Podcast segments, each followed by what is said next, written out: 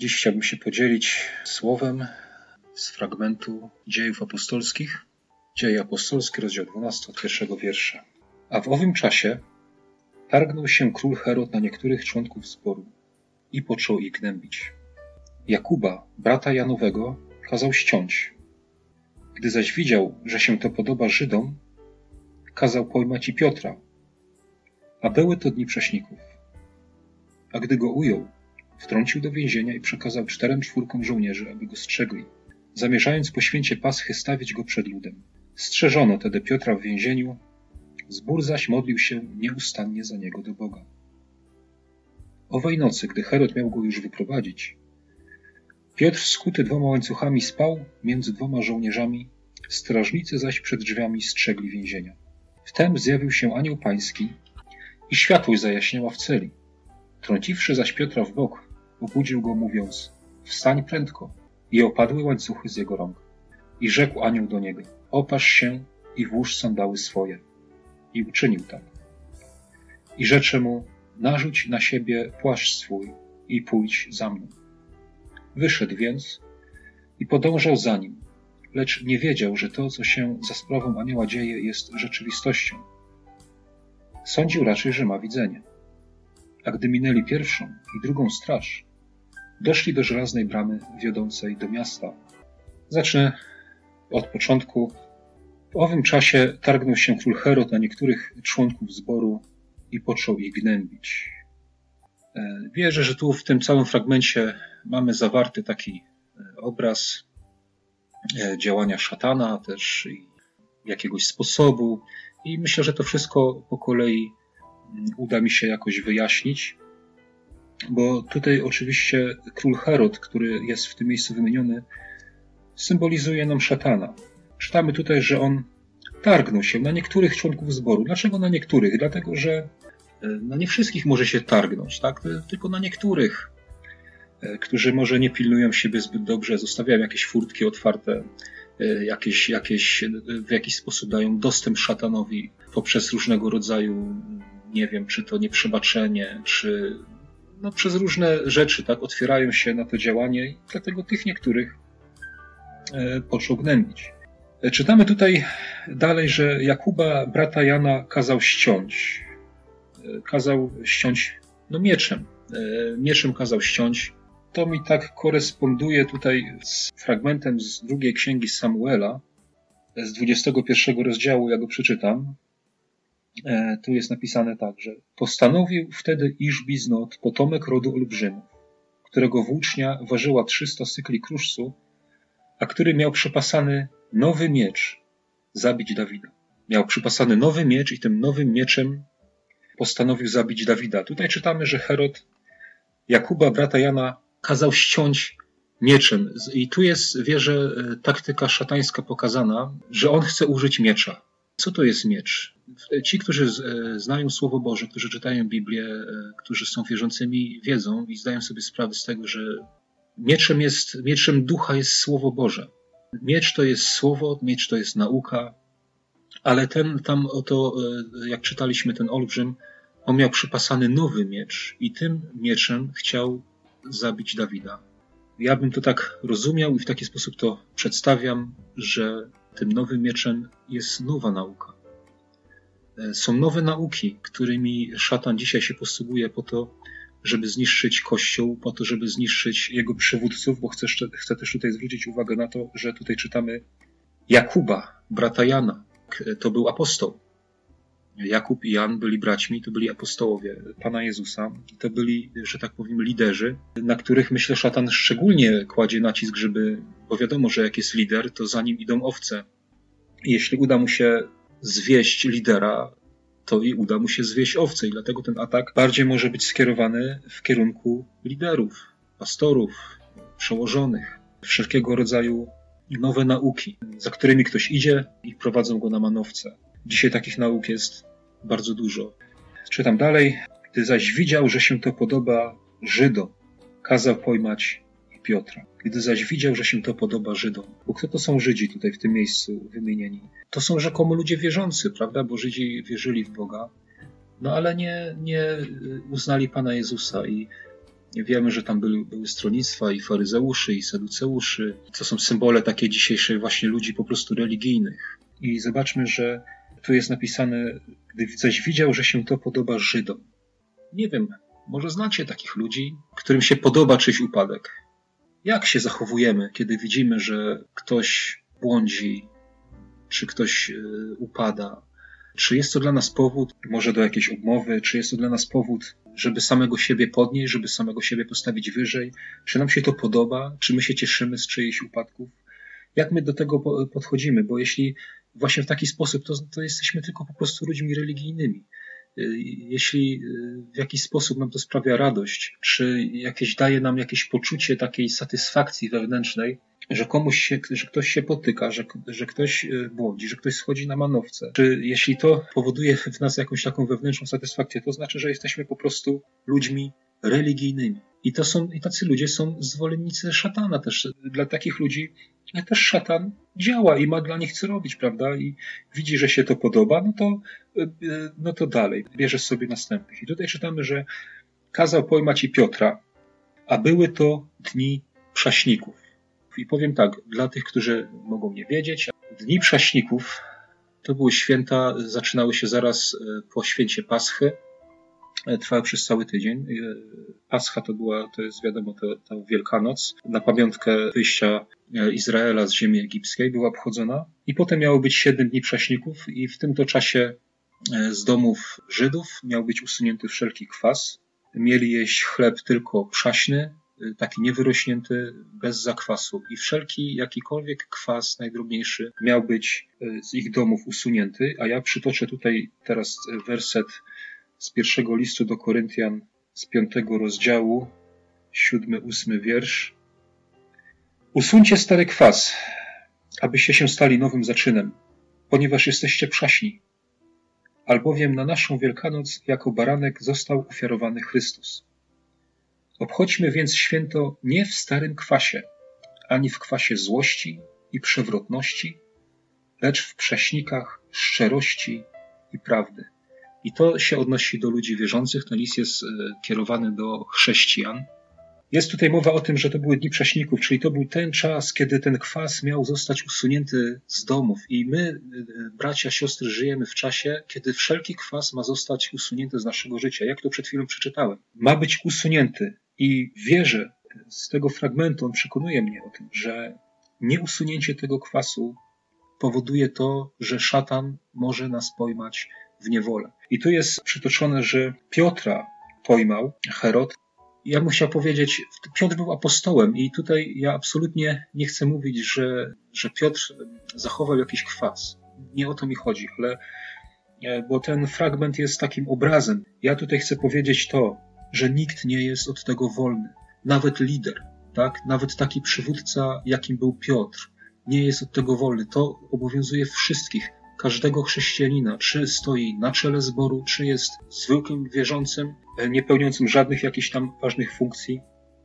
To dotyczy każdego I, i mamy wiele przykładów właśnie takich, że liderzy zborów, pastorzy, e, zachowując sobie jakiś kwas złości, przewrotności, e, stary kwas ze starego życia, zabrane z sobą, popadają później w cudzołóstwa, albo jakieś afery finansowe, jakieś przekręty finansowe, podatkowe, albo właśnie jakieś odejście w nie wiadomo jakie nauki. To wszystko do tego prowadzi i od tego nie jest wolny nikt. Dlatego wierzę, że tu jest takie ważne, że jest użyty właśnie Piotr, żebyśmy my mogli zrozumieć, że to dotyczy każdego, że nawet lider, tak? A jeśli, że tak powiem, lider, to co dopiero ja. E, I co dalej? Chciałbym jeszcze zwrócić uwagę na ten kwas, bo Pan Jezus w Ewangeliach mówił o trzech rodzajach kwasów i chciałbym tutaj krótko te trzy rodzaje kwasów wspomnieć. Pierwszy kwas, e, który przytoczę, to jest Ewangelia Mateusza, 16 rozdział i 11 i 12 wiersz. I Pan Jezus tu mówi tak. Strzeżcie się kwasów faryzeuszów i saduceuszów Wtedy zrozumieli, że nie mówił, aby się wystrzegali kwasu chlebowego, lecz nauki faryzeuszów i saduceuszów. Pierwszy kwas, kwas faryzeuszów i saduceuszów, który mówi Pan Jezus, którego mamy się wystrzegać, tak? czyli mamy go usunąć z naszego życia. Jaki to jest kwas? Co to jest za kwas? czytamy tutaj, że to jest nauka faryzeuszów i saduceuszów. Tego się wystrzegać. Faryzeusze to było stronnictwo, które bardzo chciało, zasady oni chcieli dobrze, tak? I to było takie stronnictwo, które chciało naprawdę powrócić do żydowskości, ale oni się obwarowali ogromną ilością różnych przekazań i nauk takich ludzkich, o których jak czytamy Ewangelię, y, możemy czytać. Y, znosili przykazania Boże, a stosowali naukę ludzką. I to jest jedna z, jedna z takich rzeczy, których się mamy wystrzegać. Ja powiem szczerze, ja osobiście bardzo często się y, modlę i proszę Boga o to, aby wyzwolił mnie z wszelkiego rodzaju takiej ludzkiej nauki, jaka kiedykolwiek mogła gdzieś we mnie się zalegnąć, dlatego że po moim nawróceniu y, stykałem się z wieloma różnymi rzeczami. Wiadomo, człowiek jak się nawraca, y, no słucha tego, tamtego, prawda, może ilomaś tam rzeczami jakimiś nasiąknąć, jakieś różne rzeczy może przyjąć. I ja wiem ze swojego życia i na, na podstawie swojego własnego doświadczenia, wiem, że nie wszystko, co przyjąłem, że to jest taka czysta Boża nauka. Wiele z tego jest ludzkich takich zasad, czy jakichś tam różnego rodzaju, nawet na, na temat Słowa Bożego, jakieś nauki, że są ludzkie interpretacje i, i po prostu ja chcę być od tego wszystkiego wyzwolony, bo to jest to jest ten kwas, którego się mamy strzec. I drugi tutaj jest wymieniony saduceuszów. Nauka saduceuszów. Nie wierzyli w zmartwychwstanie, nie wierzyli w ogóle w ducha, nie, nie wierzyli w aniołów. W ogóle tak jakby odrzucali ten taki świat duchowy. I, I chcę też zwrócić na to uwagę, że dzisiaj to jest ważne, bo jest wiele też takich nauk, stronnic różnego rodzaju w, w świecie chrześcijańskim, które po prostu odrzucają działa, działanie Ducha Świętego, jakieś tam nadprzyrodzone przejawy Bożego działania i, i traktują, że to jest szatańskie. To mi pokazuje takie dwie skrajności. Jedna skrajność e, w jedną stronę i druga skrajność w drugą stronę. To jest kwas, którego się trzeba wystrzegać. E, dalej mamy Ewangelia Marka, ósmy rozdział i piętnasty wiersz. I nakazywał im mówiąc, baczcie i wystrzegajcie się kwasu faryzeuszów i kwasu Heroda. Czyli coś wspólnego tutaj miał z sobą te kwasy faryzeuszów i kwas Heroda. Ja kiedyś się zastanawiałem, jaki kwas Heroda, co to tam jest, co wspólnego, kwas faryzeuszów i kwas Heroda, co jest wspólnego w tym kwasie. Wierzę, że Pan Bóg dał mi to zrozumieć i pokazał mi w swoim słowie. Dwie sytuacje wspomnę, jedną z faryzeuszów, drugą z Heroda, e, które mają wspólny mianownik. Pierwszy faryzejski e, ten wątek to jest to, jak oni przychodzili do Pana Jezusa i mówili: Pokaż nam znak z nieba, albo co uczynisz, co nam pokażesz, żeby potwierdzić to, kim Ty jesteś. Znak. Pokaż nam. Y, jest, czytamy często, że przyszli do Pana Jezusa i żądali, żeby im pokazał jakiś znak z nieba. Jeśli chodzi o wątek Heroda, to czytamy w Ewangelii Łukasza, że jak Piłat odesłał Pana Jezusa do Heroda, to Herod się ucieszył, bo od dawna pragnął Pana Jezusa widzieć, bo spodziewał się zobaczyć od Niego jakiś znak. Kochani, tu mamy kolejny kwas, którego należy się wystrzegać. Znaki. Pogoń tylko za znakami i cudami. Są ugrupowania, są ludzie, którzy, którzy po prostu tylko tego szukają. Ich, ich chrześcijaństwo polega tylko na znakach i cudach, co jest kompletnym, kompletnym zabłądzeniem. To jest kwas, który, który rujnuje ich życie i, i prowadzi ich do, do więzów szatańskich. Pogoń za znakami i cudami jest kwasem, którego należy się wystrzegać. I ostatni kwas Ewangelia Łukasza, 12 rozdział, pierwszy wiersz. Pan Jezus powiedział: Strzeżcie się kwasu faryzeuszów, to jest obłudy. Strzeżmy się obłudy. To jest kwas, który też, którego musimy się wystrzegać. Obłuda, czyli myślimy coś innego, a z zewnątrz prezentujemy się jako, jako ktoś inny. Jest to kwas, który tak samo, obłuda jest tak samo tym kwasem, który nas może sprowadzić do więzienia, w, w myśli tego słowa tutaj, które przytoczyłem. A więc tak, były to dni prześników, bądźmy przaśni, tak? Wystrzegajmy się tego rodzaju kwasów, bądźmy przaśni. I czytam dalej. A gdy go ujął, wtrącił do więzienia i przekazał czterem czwórkom żołnierzy, aby go strzegli, zamierzając po święcie Paschy stawić go przed ludem. Szatan wtrącił do więzienia i przekazał czterem czwórkom żołnierzy, szesnastu żołnierzy, aby go strzegli. Zobaczmy sobie, jaki to jest obraz. Słuchajcie, to nie jest takie proste dostać się, znaczy dostać się do niewoli szatana może nie być aż takie trudne, ale nie jest takie proste wydostać się z niej. 16 żołnierzy, cztery czwórki żołnierzy strzegli tutaj Piotra, żeby on się nie wydostał. Obwarowany żołnierzami, można powiedzieć, obwarowany duchowo, taki człowiek zniewolony przez szatana jest obwarowany duchowo z każdej strony, tak? I tutaj jeszcze chcę pokazać, że on zamierzał po święcie Paschy stawić go przed ludem. Nie od razu, to myślę, to jest takie, tutaj chciałem na to zwrócić uwagę, nie od razu, ale po święcie Paschy, po jakimś czasie, stawić go przed ludem, żeby wszyscy mogli y, widzieć i napawać się widokiem e, człowieka zniewolonego. I to jest też taki, taki szatański zamysł, tak? Pojmać człowieka, zniewolić go, upodlić go, tak? A potem postawić przed ludem, tak? E, czyli pojmał, e, przykładowo, pojmał szatan w niewolę cudzołóstwa jakiegoś powiedzmy pastora i to, to się dzieje w ukryciu na początku, ale potem to zostaje wyjawione na, na światło i wszyscy potem wiedzą i jest wielka afera, nie? Albo pojmał kogoś w niewolę czy alkoholu, czy czegoś tam i tak samo upodlić człowieka i potem go wystawić przed lud. To jest taktyka szatana. Czytamy tak, strzeżono wtedy Piotra w więzieniu Zbór zaś modlił się nieustannie za niego do Boga. No, zbór, kto to jest? Bracia i siostry, tak? Pytanie jest takie, no jeżeli widzimy, e, że ktoś został zabrany w niewolę szatana, to co my wtedy robimy? Jaka jest nasza postawa? E, czy my modlimy się za tego człowieka do Boga, czy po prostu machniemy ręką, albo będziemy plotkować na jego temat, albo napawać się tym widokiem. I czytam dalej. Owej nocy gdy Herod miał go już wyprowadzić, Piotr, skuty dwoma łańcuchami, spał między dwoma żołnierzami. Strażnicy zaś przed drzwiami strzegli więzienia. Skuty Piotr dwoma łańcuchami, nie ma możliwości żadnego działania. Zobaczmy, że człowiek, który jest w niewoli szatana, on po prostu nie potrafi, nie potrafi sam zrobić czegoś.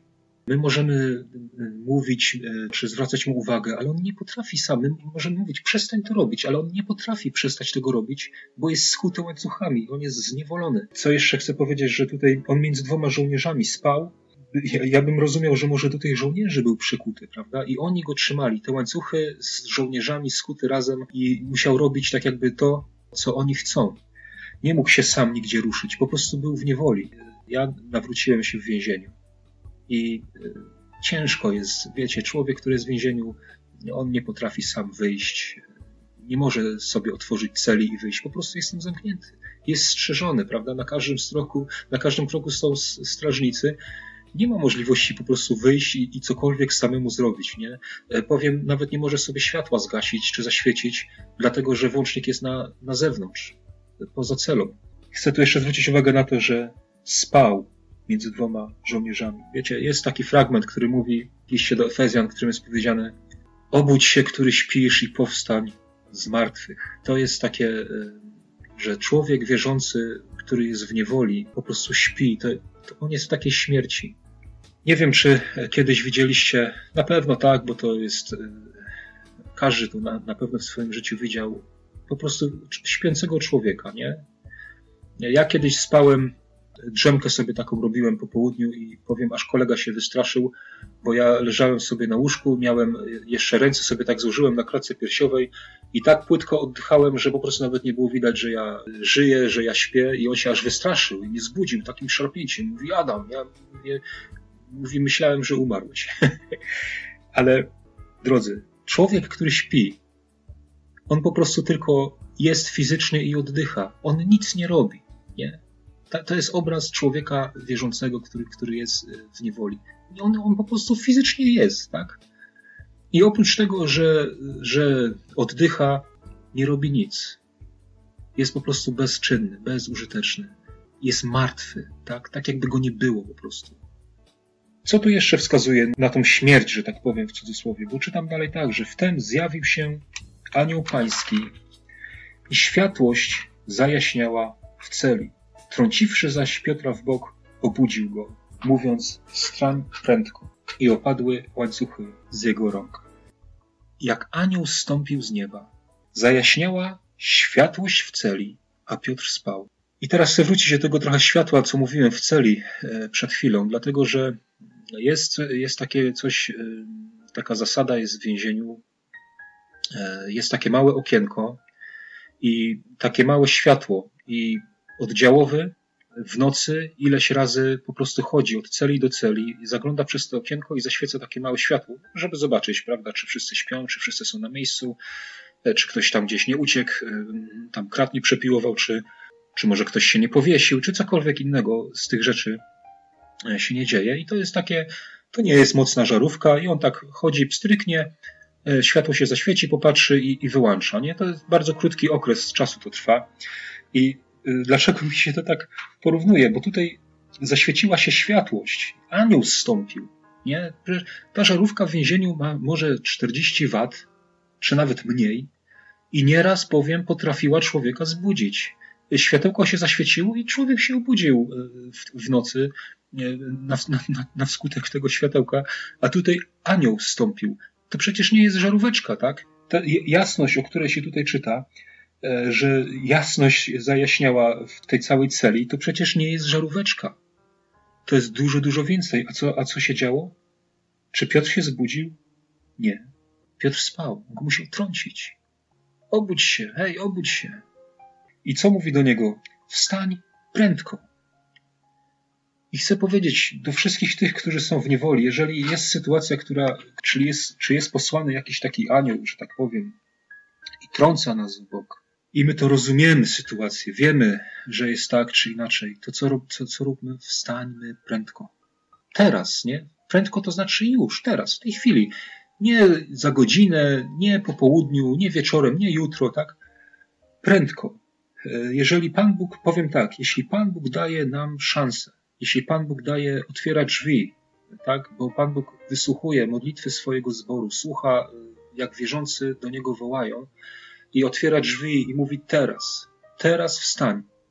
W tym daje ci, e, daje ci, nie wiem, czy przez słowo jakieś Bóg posyła, czy jakkolwiek daje możliwość człowiekowi, to człowiek musi tę sytuację wykorzystać. I co się wtedy dzieje? Opadły łańcuchy z jego rąk. Opadły łańcuchy, co odzyskał wolność działania. Dalej mógł już coś robić i Chcę tu jeszcze zwrócić uwagę, bo tutaj dalej widzimy taki obraz, jak też widzimy człowieka, który jest w niewoli. Ja, ja bym chciał na to zwrócić uwagę. Po pierwsze ma te łańcuchy na rękach, czyli jest y, totalnie niezdolny do działania. I tu czytamy tak. Wstań prędko i opadły łańcuchy z jego rąk. I rzekł anioł do niego, opasz się i włóż sandały swoje. I tu czytamy, i uczynił tak. I uczynił tak. Posłusznie uczynił tak, jak mu anioł rozkazał. I ja bym chciał tutaj zwrócić na to uwagę. W tym fragmencie widzimy taką charakterystykę człowieka w niewoli. Po pierwsze ma łańcuchy na rękach, e, niezdolny do działania. E, czytamy tak, opasz się. Opasz się. Co to znaczy? On się miał opasać. Co to znaczy? Że pas był rozwiązany. Pas może leżał gdzieś z boku, albo był poluźniony. I tu jest taka charakterystyka e, człowieka, który jest w niewoli. Roz, rozluźniony pas, jakby tak, albo zdjęty pas. A co to jest za pas? Czytamy, że mamy być przepasani pasem prawdy. I ten rozluźniony pas to jest właśnie taka rozluźniona, taka prawda, nie? A czy to naprawdę musi tak być? A czy to na pewno musi tak być, jak Pan Bóg powiedział? Czy, czy, to, jest, czy to naprawdę jest takie ważne? Czy, czy ja muszę tak dosłownie jakieś tutaj e, jakąś, jakąś religię stosować, prawda? Jakieś tam nakazy, zakazy? Nie. E, Pan Jezus dał wyraźnie e, przykazania, które mają e, przestrzegać ci, którzy do Niego należą, prawda? I to jest prawda, a rozluźnienie tego pasa to już jest takie, no, czy to tak, to jest tak, jak od razu mi się przypomina właśnie te sytuacja Adama i Ewy w raju, jak, prawda, przyszedł wąż do Ewy i powiedział, czy na pewno tak Bóg powiedział, czy to jest sobie na pewno, czy to jest prawdą, że tak będzie, że tak musisz robić. Nie, rozluźniony pas, czyli taka rozwodniona ta prawda, e, takie nietrzymanie się sztywno, konkretnie tego, co mówi Pan Jezus. I tutaj dalej czytamy i włóż sandały swoje, prawda? Czyli też czytamy w liście do Efezjan o tych sandałach, gotowości do zwiastowania Ewangelii. Te sandały były zdjęte, nie? Czyli zero takiej gotowości człowieka do, do jakiejkolwiek służby, nie? To, to jest też taka charakterystyka człowieka, którego szatan dopadł w swoje ręce Bo ja myślę i, wierzę w to tak, że człowiek, który naprawdę jest żywy z Bogiem, on chce coś robić, prawda? On pragnie służyć Bogu w jakikolwiek sposób. Ja nie mówię już, bo jedni są ewangelistami i drudzy tam, prawda, mają inne jakieś swoje powołanie, ale człowiek tutaj ma zniewolony, on ma zdjęte te sandały, on nie jest w ogóle zainteresowany służbą Bożą. Dalej czytamy i uczynił tak, że Piotr tak uczynił. I to, to jest też takie bardzo ważne, nie? że Piotr posłuchał tego, tych rozkazów tego anioła. E, poszedł za tym słowem i uczynił tak. Chcę jeszcze zwrócić uwagę na to, że anioł nie wyciągnął go na siłę z tego więzienia. To, to jest tutaj wyraźnie ukazane. Owszem, cudowną sprawą było to, że spadły łańcuchy. Dostał swobodę działania, ale anioł na siłę nie wyprowadził Piotra stamtąd. Chcę to y, podkreślić grubą kreską. Pan Bóg nikogo na siłę z więzienia nie wyciągnie. Pan Bóg zrywa łańcuchy, daje ci swobodę, możesz coś robić, możesz działać, ale na siłę ciebie nie wyciągnie. Y, mamy tutaj pokazane, łańcuchy spadły i co potem? I potem słowo było kierowane. Opasz się, włóż sandały. I uczynił tak. Nie anioł go opasał, nie anioł włożył sandały. Piotr to uczynił, tak? I tak samo my musimy uczynić. Mamy słowo, słyszymy, ty tak uczyń. Pan Bóg na siłę cię nie ubierze, Pan Bóg na siłę cię nie pociągnie. I dalej czytamy, rzecze mu narzuć na siebie płaszcz swój. I tu też widzimy, narzuć na siebie płaszcz swój. Człowiek wierzący ma być w co przeobleczony? Co jest tym płaszczem? No, ma być przeobleczony w Chrystusa. I to też jest charakterystyka człowieka zniewolonego, że ten płaszcz jest z boku, nie? Nie jest nałożony na nim, tylko gdzieś tam z boku. I tu jest taka rada, co Pan Bóg nam daje wszystkim zniewolonym. Daje wolność działania. I powiem tak, jeśli to słowo trąca cię w bok i mówi ci obudź się, to zrób to teraz. Obudź się i zacznij działać. Pan Bóg daje ci szansę, Pan Bóg daje ci łaskę. I powiem ci tak, opasz się tym pasem prawdy, stań po prostu w prawdzie, bierz Słowo Boże, czytaj, co Pan Jezus mówił, czego nauczał i trzymaj się tego, nie rozluźniaj tego, tak, nie rozwadniaj tego, idź za tym. I włóż sandały i bądź gotowy, tak, chciej służyć Bogu, chciej całe życie swoje Bogu poświęcić, a nie tylko jakiś jego fragment, tak, y, oddaj Jemu całe życie, bądź gotów, niech całe życie Twoje będzie służbą Bogu. I chodź w Panu Jezusie, odziany w Pana Jezusa. Co tutaj dalej czytamy? Wyszedł więc i podążał za nim, lecz nie wiedział, że to, co się za sprawą anioła dzieje, jest rzeczywistością. Sądził raczej, że ma widzenie. Wyszedł i podążał za nim, prawda? To jest wskazówka. Podążaj za Bożym prowadzeniem, tak? Jak Bóg cię prowadzi, jak Bóg cię wyprowadza z więzienia, podążaj za tym prowadzeniem.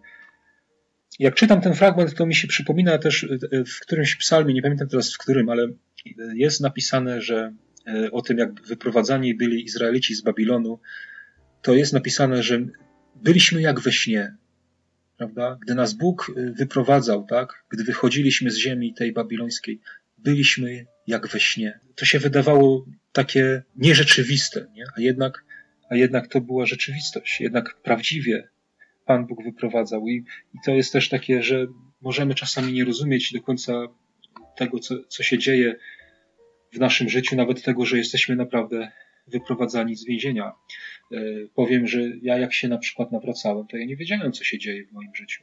W ogóle nie miałem pojęcia. Ja, mi tam nikt Ewangelii nie głosił, ja po prostu czytałem Biblię.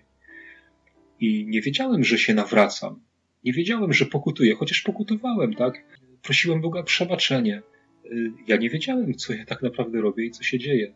Była to rzeczywistość, tak jakby, o której ja nie miałem pojęcia. Ja nie wiedziałem, że to Bóg mnie powołuje, że to Bóg mnie dotyka, że to On mnie wyprowadza, że On mnie podnosi. Nie miałem o tym pojęcia, ale to jest, to jest wspaniałe.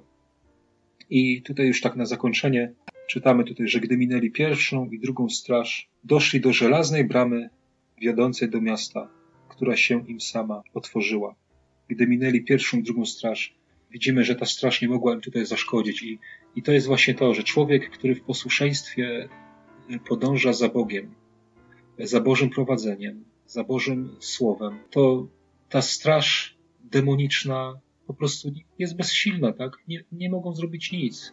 Miną pierwszą straż, drugą, wszelkie, że tak powiem, ilekolwiek niech będzie tych straży i tysiące na naszej drodze, to jak będziemy się trzymać Bożego prowadzenia, to oni nam nic nie zrobią. Nie są w stanie nas z powrotem zniewolić.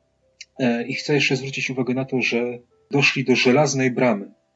Żelazna brama to od razu mi się kojarzy, to nie jest furtka. To jest potężna żelazna brama, którą nie można, jej nie można otworzyć tak sobie kopniakiem. Tam musi być wysiłek włożony, żeby ją otworzyć, ale tutaj widzimy, że tej bramy nikt sobie sam nie otworzył.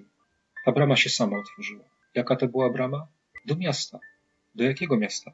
Do Jerozolimy. I chcę tutaj powiedzieć, drodzy, że wszyscy wierzący jesteśmy w drodze do miasta, do Nowego Jeruzalem. Tutaj na zakończenie jeszcze bym chciał przeczytać drugi list Piotra, 10-11 wiersz. Mówi tak. Dlatego, bracia, tym bardziej dołóżcie starań, aby swoje powołanie i wybranie umocnić. Czyniąc to bowiem, nigdy się nie potkniecie. W ten sposób będziecie mieli szeroko otwarte wejście do wiekuistego królestwa Pana naszego i Zbawiciela Jezusa Chrystusa. To nie, że sobie sami otworzymy, tak, ale będzie dla nas otwarte. Widzimy, że jak Piotr tutaj zbliżał się do tego miasta, brama się sama otworzyła, miał szeroko otwarte wejście do Jeruzalem. Oby każdy z nas tak właśnie szedł, aby ta brama była otwarta. Tego życzę. Dziękuję za wysłuchanie.